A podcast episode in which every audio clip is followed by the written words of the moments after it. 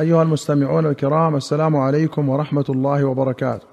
أخرج مسلم عن عبد الله بن أنيس رضي الله عنه أن رسول الله صلى الله عليه وسلم قال: أريت ليلة القدر ثم أنسيتها وأراني صبيحتها أسجد في ماء وطين.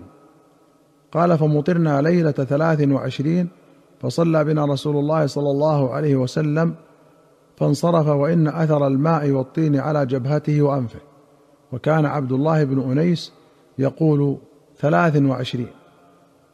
قوله يقول ثلاث وعشرين قال النووي هكذا هو في معظم النسخ وفي بعضها ثلاث وعشرون وهذا ظاهر. والأول جار على لغة شاذة أنه يجوز حذف المضاف ويبقى المضاف إليه مجرورا أي ليلة ثلاث وعشرين.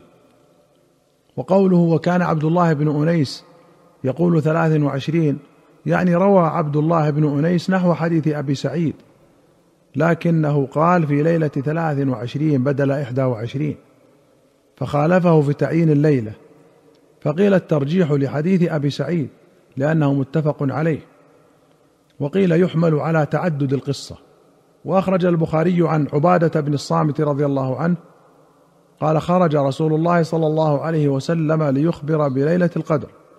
فتلاحى رجلان من المسلمين فقال النبي صلى الله عليه وسلم إني خرجت لأخبركم بليلة القدر فتلاحى فلان وفلان فرفعت فعسى أن يكون خيرا لكم فالتمسوها في التاسعة والسابعة والخامسة.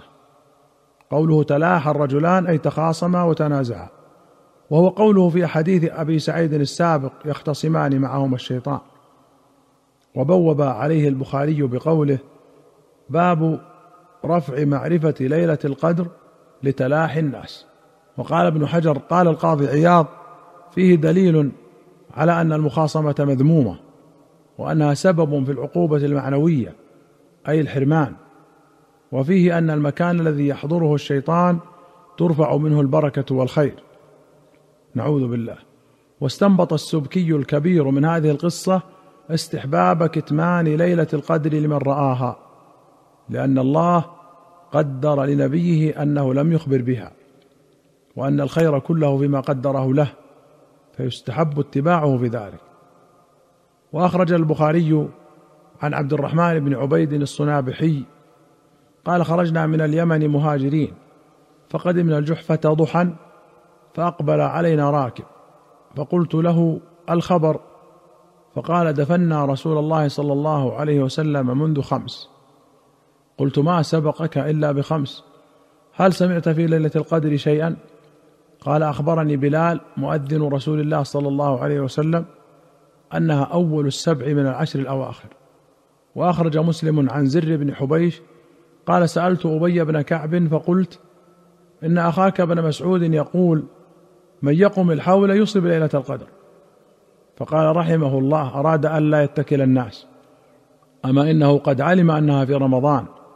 وأنها في العشر الأواخر ثم حلف لا يستثني أنها ليلة سبع وعشرين.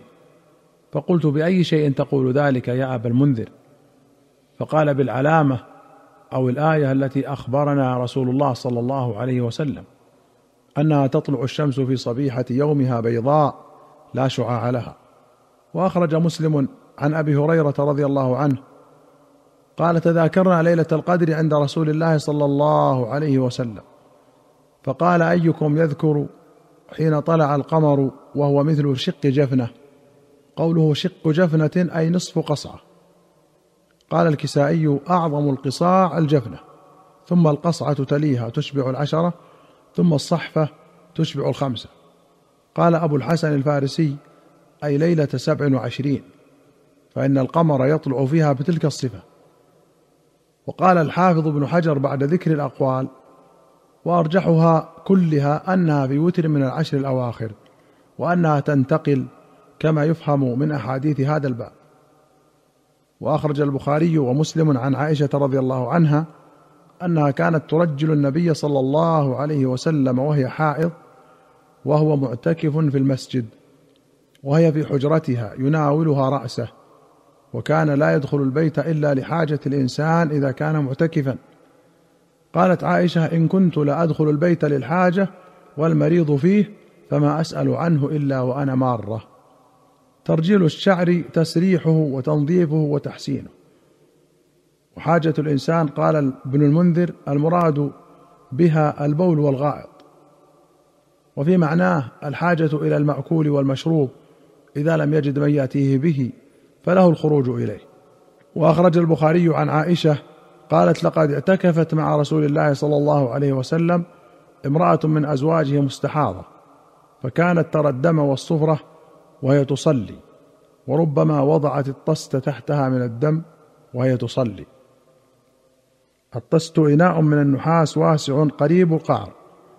قال ابن حجر وفي الحديث جواز مكث المستحاضة في المسجد وصحة اعتكافها وصلاتها وجواز حدثها في المسجد عند أمن التلويث ويلتحق بها دائم الحدث ومن به جرح يسير.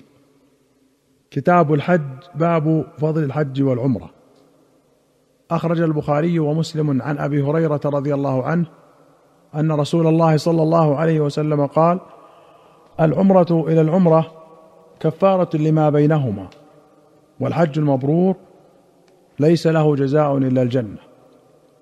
وفي رواية قال سمعت رسول الله صلى الله عليه وسلم يقول من حج لله فلم يرفث ولم يفسق رجع كيوم ولدته أمه. وأخرج ابن أبي شيبة وأحمد والترمذي والنسائي وأبو يعلى وابن خزيمة وابن حبان والطبراني في الكبير والبغوي بسند حسن عن ابن مسعود رضي الله عنه أن رسول الله صلى الله عليه وسلم قال تابعوا بين الحج والعمرة. فإنهما ينفيان الفقر والذنوب كما ينفي الكير خبث الحديد والذهب والفضة. وليس للحجة المبرورة ثواب إلا الجنة. قوله تابعوا قال السندي اجعلوا أحدهما تابعا للآخر. فإذا حججتم فاعتمروا وإذا اعتمرتم فحجوا. وقوله ينفيان الفقر أي يزيلانه وهو يحتمل نفي الفقر الظاهر بحصول غنى اليد والفقر الباطن بحصول غنى القلب. وأخرج البخاري عن عائشة رضي الله عنها قالت قلت يا رسول الله نرى الجهاد أفضل العمل أفلا نجاهد؟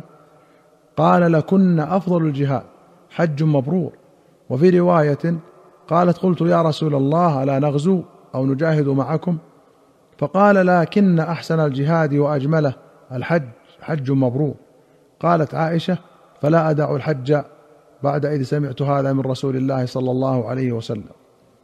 قال الحافظ قوله لكن أفضل الجهاد اختلف في ضبط لكن فالأكثر بضم الكاف خطاب للنسوة. وفي رواية الحموي لكن بكسر الكاف وزيادة ألف قبلها بلفظ الاستدراك. والأول أكثر فائدة لأنه يشتمل على إثبات فضل الحج وعلى جواب سؤالها عن الجهاد. قال وفيه أنه جعل الحج أفضل الجهاد. وأخرج البخاري ومسلم عن ابن عباس رضي الله عنهما قال لما رجع النبي صلى الله عليه وسلم من حجته قال لأم سنان الأنصارية ما منعك من الحج؟ قالت أبو فلان تعني زوجها كان له ناضحان حج على أحدهما والآخر يسقي لنا ارضا قال فإن عمرة في رمضان تقضي حجة أو حجة معي.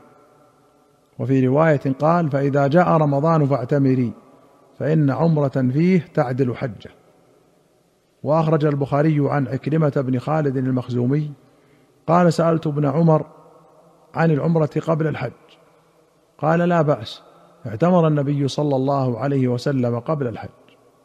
أيها المستمعون الكرام إلى هنا نأتي إلى نهاية هذه الحلقة. حتى نلقاكم في حلقة قادمة إن شاء الله. نستودعكم الله. والسلام عليكم ورحمة الله وبركاته.